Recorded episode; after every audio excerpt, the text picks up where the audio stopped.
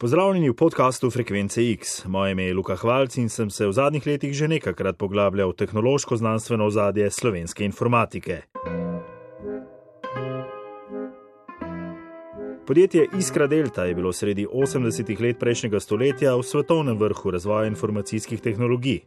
Sredi Ljubljane so razvijali zametek kitajskega interneta, avtomatizirali so tovarne, izdelovali priljubljena računalnika Partner in Triglav. V nikoli povsem pojasnenih okoliščinah so, razpeti med interesi politike in tajnih služb, tik pred osamosvojitvijo propadli. Potem si je eden zmislil, da je se mi skoncentrirati, pa da ta računalnik, ki ga bomo naredili, Titu za rojsten dan. Titu je imel rojsten dan 25. maja, mi smo imeli tri mesece ali štiri časa, da je bilo treba narediti program, da bi printer sprintil Titovo sliko iz črtic in, eh, in pa zvezdic. V kinodvoru je na ogled dokumentarni film z naslovom Iskre v času, svetovni računalniški podvig. Dokumentarec o vrtoglavem sponu in pacu slovenskega informacijsko-tehnološkega giganta Iskre Delte je režiral Juri Gruden. Film pa si je prislužil posebno omembo žirije na festivalu slovenskega filma v Portorožu. Prijatelj mi je omenil knjigo Neverjetno uh, in uh, sem jo takoj na čez noč recimo prebral. In to je bila Škrubeva knjiga Hladna vojna in bitka za informacijsko tehnologijo. Išla je 2.8 in takoj naslednji dan, ko sem jo prebral, sem poklical Škrubeja in ga vprašal, če je že se kdo zanimal za uh, posnet dokumentarni film o tej zgodbi iz Kredelte. Uh, takoj že od začetka samega nisem hotel posnet film, tehnološki film ali pa film o IT-ju, ni, ni to to. Eh, film je dosti bolj kompleksen in zajema ta geopolitični prostor, v katerem se zgodba dogaja z vohunjenjem, z tajnimi službami, upletenostjo, z domačimi in tujimi. In uh, ja, je bilo treba vse skupaj izredno dobro raziskati, da bi približno nastala neka verodostojna zgodba. Kaj vas recimo najbolj potegnilo, morda presenetilo? Zgodba se mi je zdela enostavno neverjetna, nemogoča. In, eh, ampak tudi, če bi bila nemogoča in da je izmišljena, se neko kakorkoli je tako zanimiva, da jo je vredno raziskati.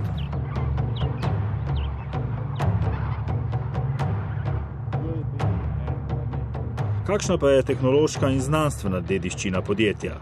O premjeri dokumentarca sem se na kavi srečal s štirimi inženirji nekdanje Iskre Delte. Peter Brajak, Saša Divjak, Andrej Kovačič in Slavko Rožič so se v sproščenem pogovoru spominjali zlatih časov slovenske informacijsko-tehnološke industrije. Hkrati pa so razmišljali tudi o sedanjosti in prihodnosti. Mogoče začnemo uh, mi dva. Z, z, z najmlajšim. ja, da, od leve proti desni. Jaz sem zadnji prišel, od vseh nas je del to. Peter Brajak, uh, takrat sem prišel v Iskra Delta leta 1984 na pobudo profesorja Železnikarja, da v Iskri delti razvijemo za tiste čase prvi en od vodilnih svetovnih proizvodov paralelnega računalniškega sistema.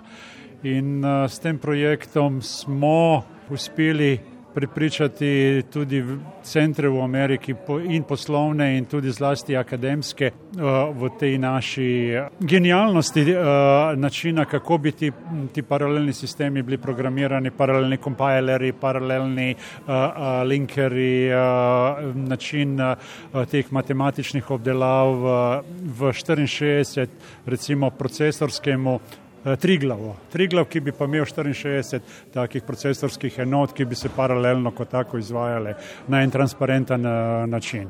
Triglav ni zaradi gore, ampak zaradi posebnosti. Verjetno zaradi gore, ampak posebnosti tudi zaradi tega, ker v tem času so bile tri, tri, tri veje takih eh, čipov, Intelovih, Motorolinih in Dekovih in mi smo zaradi tega nekako imeli to idejo, da postavimo te osnove teh triglavov na teh eh, treh tehnologijah. Gospod Brak, se boste prenesli en uh, katalog ne, oziroma nek kratek uh, uvid v vse to, kar ste počeli. Lahko mogoče malo pokomentirate, oziroma skupaj pogledava, kaj je to. Veliko, ko, ko, ko govorijo o iskri delti, vidijo delto kot neko box moving eh, firmo enih starih računalniških uh, sistemov, zastarelih, recimo dekovih in tako naprej, ki so prodajali po Jugoslaviji ali, ali po vzhodnji uh, Evropi. To, kar pa se manj govori o delti, je to, da je delta imela sigurno desetine takih softverskih rešitev, bodi si za industrijske procese, za računalniško projektiranje, za hotele, turizem, gradbeništvo.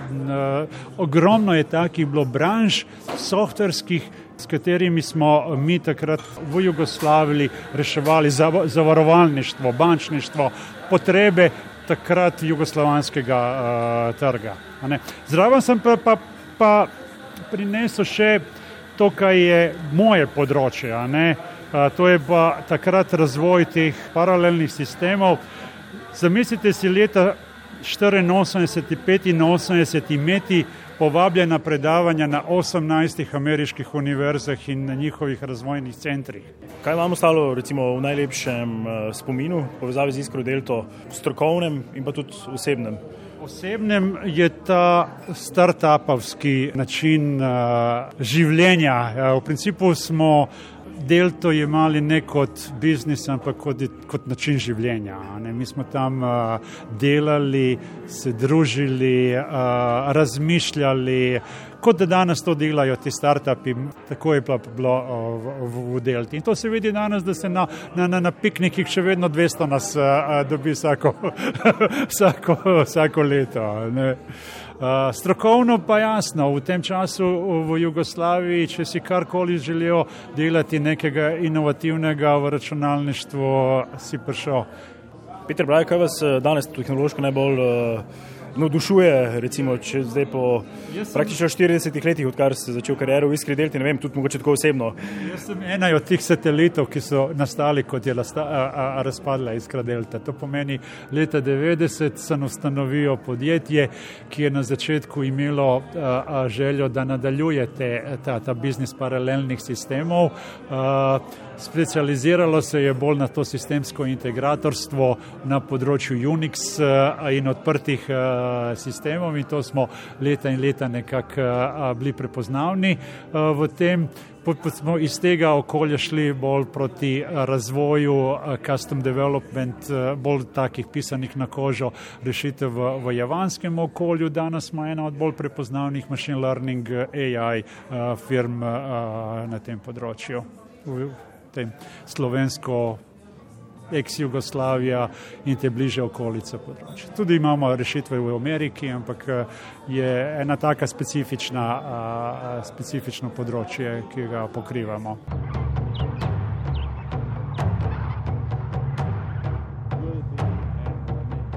Pogovora ob kavi o iskri delti se je udeležil še eden izmed dolgoletnih zaposlenih, dr. Saša Divjak. Če se predstavim, povem, da pač eh, sem eh, zaslužni profesor eh, Univerze v Ljubljani, bil sem nekaj cajta tudi dekan na fakulteti za računalništvo in dejansko obdobje, ko sem bil v delti, ta se je v pomočnik direktor za področje izobraževanja, je prepletalo, bi rekel, dejansko mojo dejavnost in fakultete in pa same delte. Zdaj, stvar je zdaj namenjena pa sem delti, moram povedati, da Delta je imela zelo močen izobraževalni center, tako kot je klasika v uh, večjih firmah, ne smo imeli zunanje izobraževanje, to, kar so čutili tudi uporabniki, ne, in pa seveda tudi interno izobraževanje za uh, naše serviserje, razvijalce in podobno. Ne. Zdaj, v začetku smo imeli kar veliko eh, prostorsko stisko, ampak ne glede na to, uh, smo pač se razvijali. Recimo ena stvar, ki mi je ostala v spominu, je, da smo uvedli uh, zelo urejen, organiziran katalog izobraževanja. To pomeni, da smo imeli glede na pač usmeritve, strokovne usmeritve, smo imeli uh, dejansko steze od začetniških do nadaljevalnih tečajev, katere smo seveda vključevali poleg profesionalnih predavateljev tudi uh, v bistvu eh, pač eh, tiste ljudi, ki so bili iz stroke razvijalci in podobno. Ne. Eh, višek je Delta sigurno doživela s tem, ko je pač v enem obdobju prišla do res naprednega in urejenega izobraževalnega centra v Novi Gorici. To so bili bivši argonauti, danes je to poslopje poznano kot pač Perla. No in lahko rečem, da kar se tiče delte, ne, torej poleg teh naših izobraževanj, ne, smo imeli tudi, seveda, tudi mednarodna izobraževanja ne, torej, in pa izobraževanja tudi drugot, ker so delta bila po celi Jugoslaviji v bistvu. Ne. Torej, meni so ostali v spominu recimo izobraževanje tečaje z Bolgari in kasneje seveda tudi z uh, Kitajci. Seveda vsak ima svoje uh, posebnosti, ne, recimo tisto, kar bo najbolj zanimivo za širšo uh, množico, ne, je, da pač upoštevaš tudi, kako se ljudje obnašajo. Recimo za, de, za Bolgare bomo, da kadar uh, prikimajo, odkimajo z glavo, medtem za uh, Kitajce smo pa mislili, da pijo samo čaj, pa ni čist res. Ne, da, ampak v glavnem to je bilo kar uspešno. Ne. Kakšna je mogoče dediščina tudi tega izobraževanja v praksi znotraj iskanja delta, glede na to, da ste bil aktiven, seveda predvsem potem tudi na fakulteti, imate neko pogled. Ti kadri, ki so bili takrat mladi, nadobudni, vemo, ne, ustanovili so se številna podjetja, ampak tudi ta čisto krov, krovno znanje, krovni skilsi, kako se je potem to razvijalo naprej v 90-ih, pa tudi recimo kaj še zdaj. No, če povem, vse dete je vplivalo tudi name, kot na vsakega od nas, ker smo se tudi sami izobraževali. Posledica je bila tudi to, da me je povezala recimo z univerzo v Udinah. Ne. Ampak, če govorimo o mladih, ne, seveda, bi rekel, ta le povezava je omogoča, da so ljudje, ki sem jih poznal iz tudi, rekel, študijskega programa, bili vključevani v samo delto. Marsikateri moj diplomant je končal. Ne. Po drugi strani pa lahko rečem, da je uh, ravno področje izobraževanja ne, vplivalo tudi na to, ker smo bili v začetku v prostorski stiski, da smo imeli uh, računalniške učilnice tudi na gimnaziji Bežvigat, pa na gimnaziji Vič in seveda tukaj je prišlo do ene simbioze. Ne. To pomeni, da dijaki so se lahko na naših računalnikih izobraževali, ne, mi pa smo prišli tudi do določega prostora. Ne. No, zdaj efekt je pa seveda ta in to me, mene dve stvari sta me navdušili v delti. Ena stvar je, v primeri s tem akademskim okoljem, ko se bo deliti, se mi je zdelo, da se mi je tak dvignil za deset, desetkrat, ne, to pomeni, da bomo kaj hitrost procesora, recimo. Enostavno stvar je bila dosti bolj dinamična ne, in ta druga stvar je pa dejansko, bi rekel, tale razsejanost delta na en način ne, po celi Jugoslaviji ne, in to se pozna, ko je pač delta sveda bi rekel, se končala na en način, ne, da je pustila rekel, svoje zametke, tele iskrice po celi eh, Sloveniji. Ne, tako da kjerkoli si s prstom postavil eh, prst, recimo na zemljevid Slovenije, sigurno si našel deltaša. In to, ko me še vedno navdušuje, ne, da se ta pripadnost še zdaj čuti. Kako gledate na današnji čas, tudi številne nove tehnološke rešitve, ne nazadnje tudi na start-up podjetja, ki tudi v Sloveniji rastejo, ne nujno zdaj samo tehnološka, ampak neka ta, kot je že prej Petr omenil, neka start-up kultura, ne, vi ste jo gojili 40-45 let nazdaj. No, če se za hip ozrem izkušnje iz Italije, ki so me navdušile, ne, je bila recimo situacija v Foralini Julijski krajini, ne, kjer je bil model ne, malih družinskih podjetij, ne, ki pa so bila nekje navezana z neko verigo, tudi z večjimi tovarnami. In, in uh, zato je bila Forlanija Julijska krajina tako uh, sposobna. Ne. In mislim, da tale stvar bi tudi zdaj igrala. To je delta imela malo smole, da, da je pač Jugoslavija razpada in verjetno mo ne bi mogla vzdržati tak, na tak način. Verjamem, da danes bi pa to spet bilo možno, ne glede na to, da dejansko so ta stata podjetja, ki pa jim ne škodi, če imajo neko navezavo z neko večjo krovno uh, ustanovo. Tako da to so bili zametki, ki so pustili in jaz verjamem, da bi danes na nek način uh, isti vzor lahko še bolj uh, se razvijal.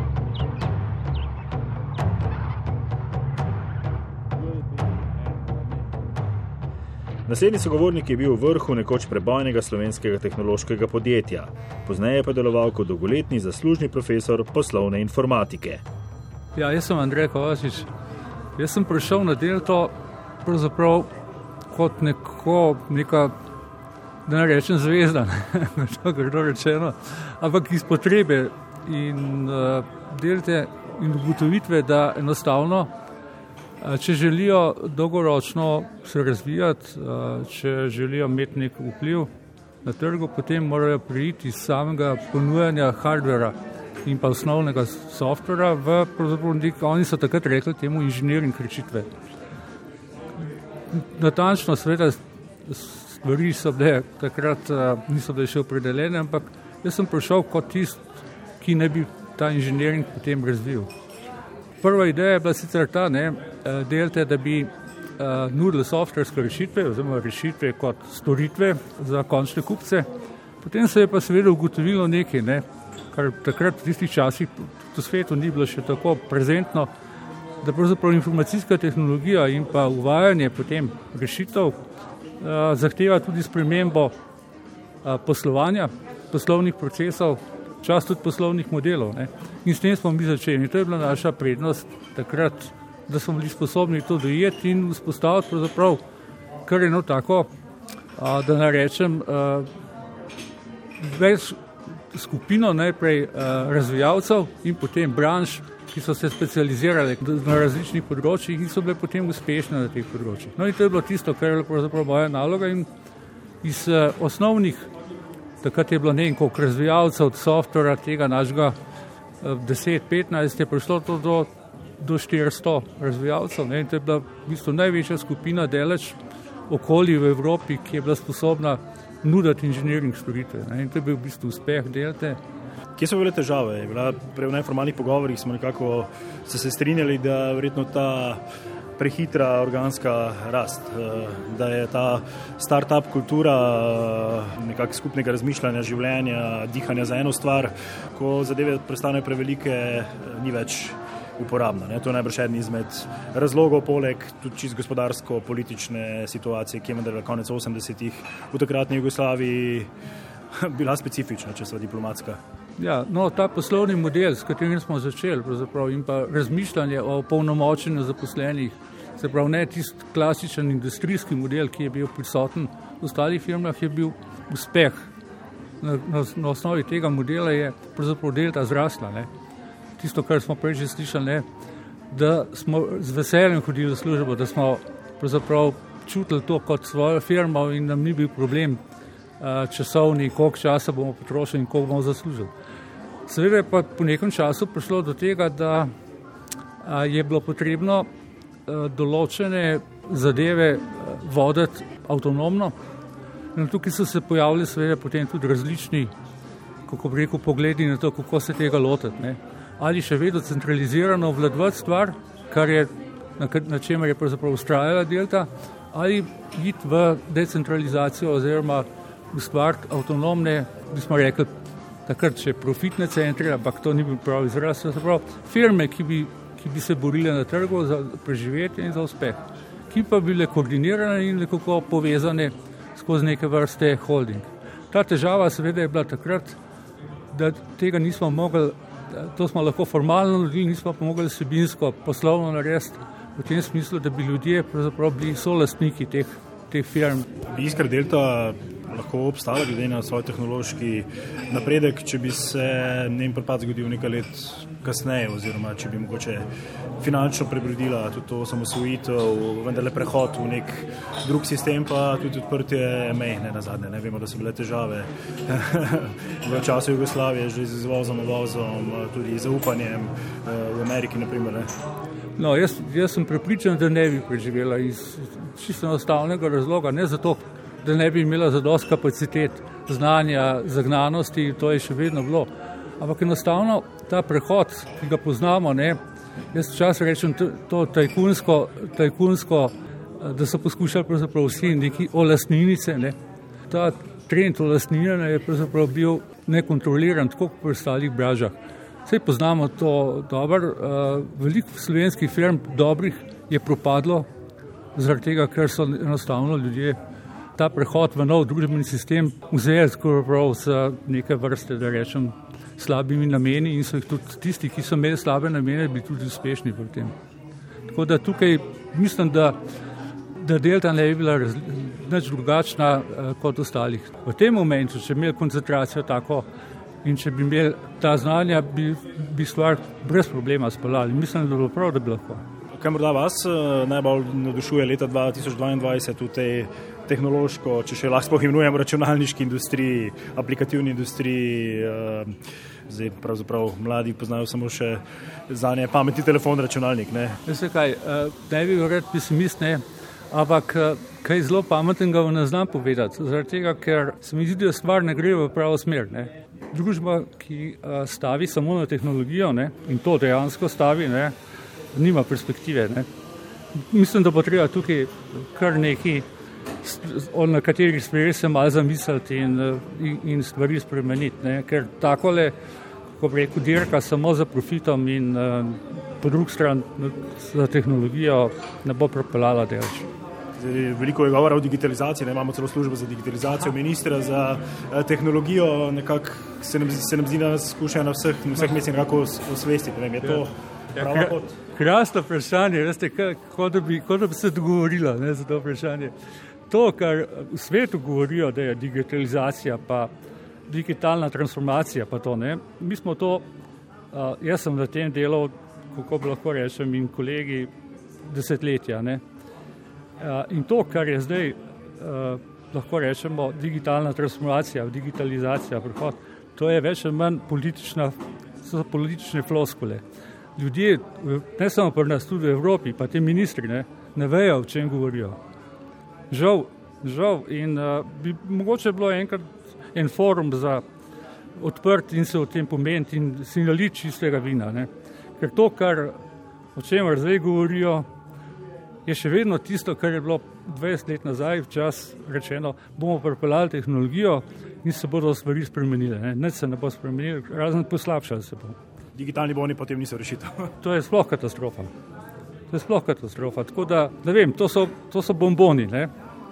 To so bomboni, kot ostali predvoljeni bomboni.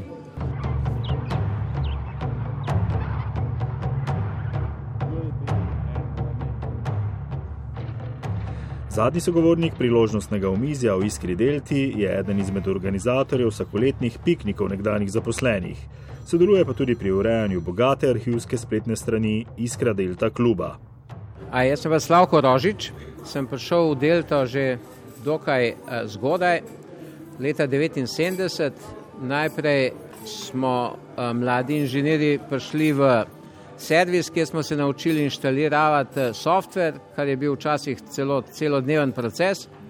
Potem sem pa imel to uh, veselje, da, smo, da je Delta v rasti začela obdelovati področje procesne informatike, kjer smo pač vse te sisteme, ki smo jih proizvajali, uporabljali tudi za vodenje uh, procesov v energetiki in tam smo imeli priliko, da smo tudi mi, uh, pač ekipa inženirjev, da smo na podoben način kot eh, pri strojni opremi, tudi eh, softverske rešitve delali po svoje, integrirali nove elemente in potem uspešno aplicirali pri strankah v bivši Jugoslaviji. Lahko v praksi recimo razložite, kako je bilo to videti. Je bilo je neko elektropodjetje, regionalno, vi ste poskrbeli za vso podporo. Recimo naš prvi projekt je bila elektroistra Pula, ki je zaupala uh, Delti uh, oziroma tem principalu, da smo uvedli sistem vodenja energetike celotnega tega podjetja, kjer smo potem integrirali naše sisteme, Delta M, naredili hot stand-by sisteme, integrirali posebne grafične umestnike, tako da, da je ta elektroista Pula recimo takrat imela najsodobnejši sistem. Potem se je to nadaljevalo na hidroelektrarni Džerdap in uh, v soških elektrarnah in še drugot uh, po uh, bivši Jugoslaviji. Kaj bi vam osebno kot uh, zaposlenemu v Iskri delti največji izziv, največje zadovoljstvo, pa morda tudi potem največja, vem, če smo imeli frustracijo ali kakorkoli. No? Največje zadovoljstvo mi je bilo to, da smo lahko res delali, da si lahko kogarkoli vprašal za pomoč, da smo sodelovali. Mal frustracije mi je bilo to, ko me je žena na začetku čakala s kosilom, pa sem vedno zamujal, potem je pa nehala čakati. Vi ste malo povezovalna tudi oseba z bivšimi deltaši. Uh, ti pikniki so še vedno ne, zelo tradicionalni, imate tudi odlično spletno stran, no, kot se za tehnološko podjetje spodobi, ampak vseeno, no, vidi se, da pač ta duh, uh, kot so prej že menili tudi kolegi, še vedno živi. Ne, 200 ljudi se zbere na piknikih. Ja, ta duh živi, mi se trudimo, da pač uh, zbiramo še informacije iz naših časov, da se dobimo da pogledamo tam, kaj smo naredili, da se razveselimo ob raznih takih novicah, kot je ta dokumentarni film o Delti. Vsi smo veseli, ko pridejo še naši sodelavci tudi iz kakšnih drugih delov, ne samo iz Slovenije. upajmo, da bo, ko bo konec tega COVID-a, da se bomo spet zbrali v še večjem številu.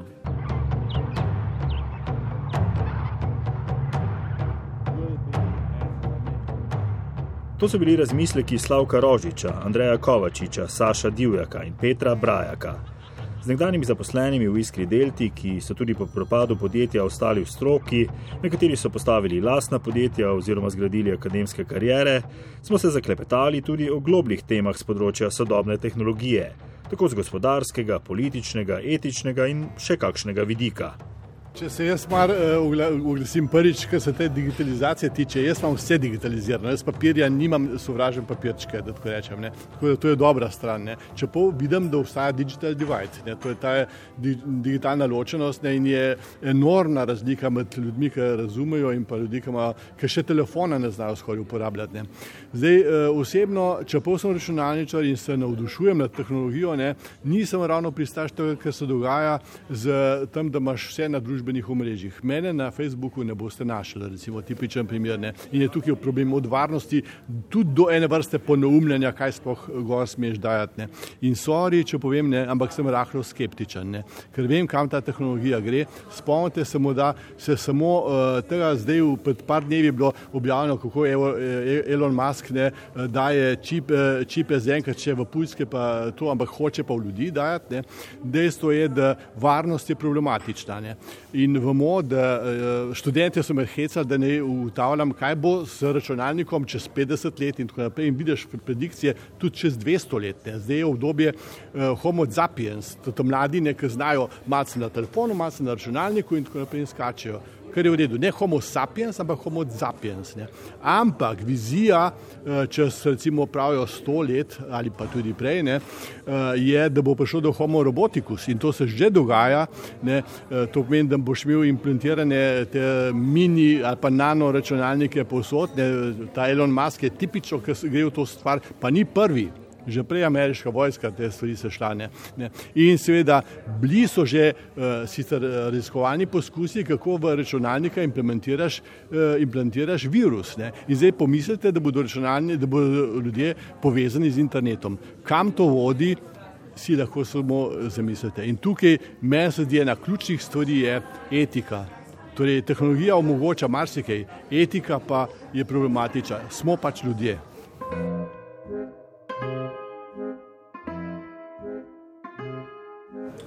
Vi se ukvarjate z machine learningom. Uh, ja. Verjetno lahko tukaj nadaljujete. Jaz bi se sam nadovezal na profesorja Divjaka.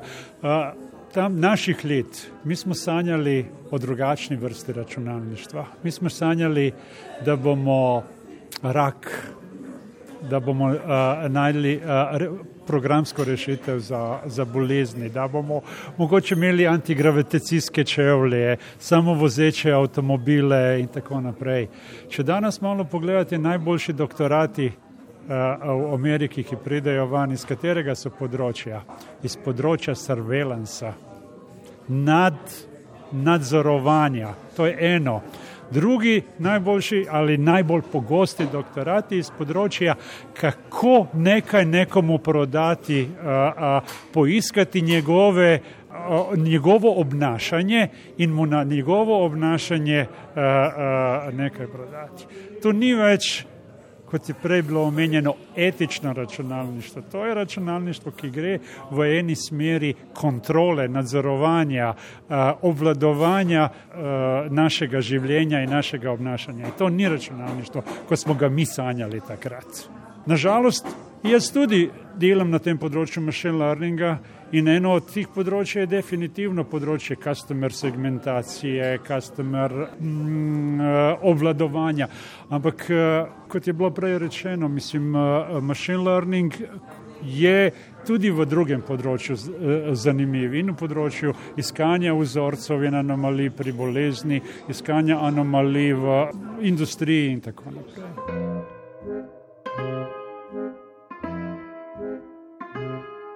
V tistem krat, relativno kratkem času smo dosegli ogromno in uh, velik premik naredili tudi v glavah deltašov, ne?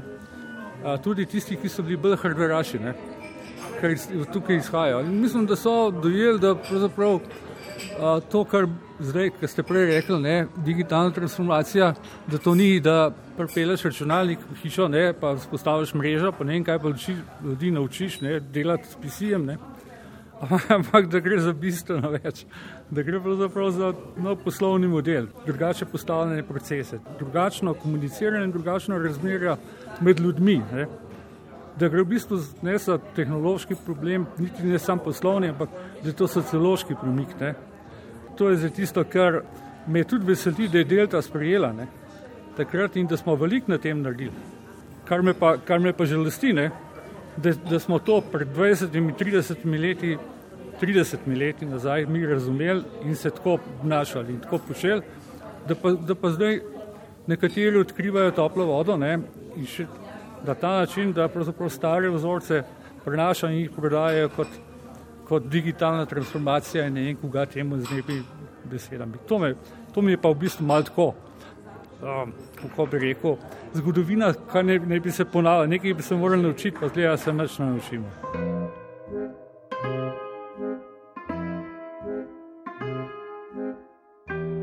Ja, od, od tistih sanj uh, iz Delte ne, se je potem uh, pač, uh, področje, kjer sem ga takrat se ukvarjal, sem se potem zamenjal področje, ker je to področje bilo tako bolj nišno. Ne, tako da sem šel na bolj področje tega korporat računalništva in te želje in cilji so pa bili pa vedno gledan z enim očesom, kaj je možno na tem področju in tu se, tu se vidi, da da ta veliki prevzemajo igro na uh, vseh delih uh, informatike, od uh, sem, procesov te industrije preko oblačnega računalništva in to.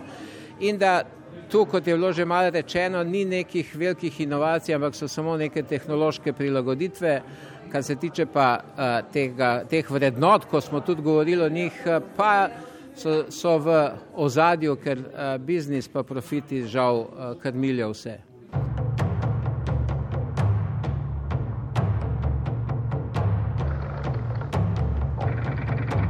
V računalnik, ki ga vidiš, ki je naš, moraš verjeti, biti zaljubljen, iz oči ti moraš žareti.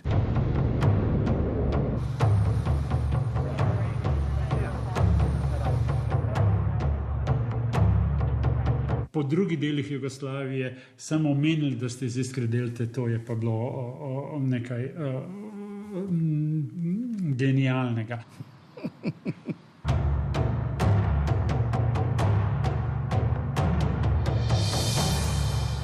Poslušali ste posebno epizodo frekvence X o tehnološki in znanstveni dediščini računalniškega podjetja Iskra Delta.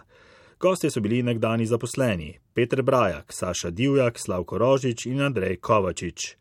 Arhivski material je del aktualnega dokumentarnega filma Iskre v času, ki je v režiji Jurija Grudna na ogled v Kinodvoru.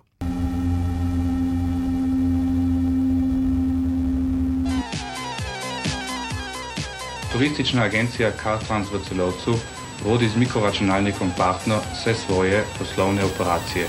Za manje od godinu dana upotrebe mikroračunara moj partner početno nepoverenje u našoj redakciji zamenilo je oduševljenje. V komunalnem gospodarstvu občine Radovlica uporabljamo partnere za saldo konte in glavno knjigo. Poslovni računalnik Iskre Delte. Sestavili smo v bistvu eh, proces, eh, procesor in razne periferne enote, tračna, tračno enoto, diskovne pogone. Na spletni strani Vala 202 najdete povezave do še nekaj zanimivih epizod v Iskri Delti. Pred leti smo tako pripravili dve frekvenci X o skrivnostih spona in paca podjetja. Med drugim smo razkrili, kako je sredi Ljubljane nastal zametek kitajskega interneta. Inženirji podjetja Iskra Delta so pod nadzorom tajnih služb noč in dan izdelovali in preizkušali sestavne dele računalniškega omrežja, s katerim so nameravali povezati policijske postaje desetih največjih kitajskih mest. Moje ime je Luka Hvalc, frekvenco X lahko najdete v vseh aplikacijah za podkaste. Veseli bomo vaših ocen in odzivov. Če imate v povezavi z Iskro Delto še kakšno zanimivo zgodbo, morda svoj pogled na takratni čas in ste ga seveda pripravljeni deliti z javnostjo, mi pišite na luka.hvalc.afnrtvslo.si.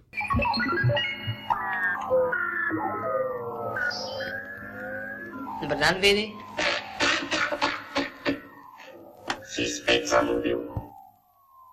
Vedi pripravljen. Oče je pisal. Ampak kako?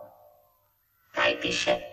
Ne pridemo k njemu v Ljubljano. Pri tem sistemu, pa tudi prej, smo posvetili tudi pozornost industrijskemu oblikovanju, tako da je dobil tudi mednarodno zlato priznanje v Nemčiji.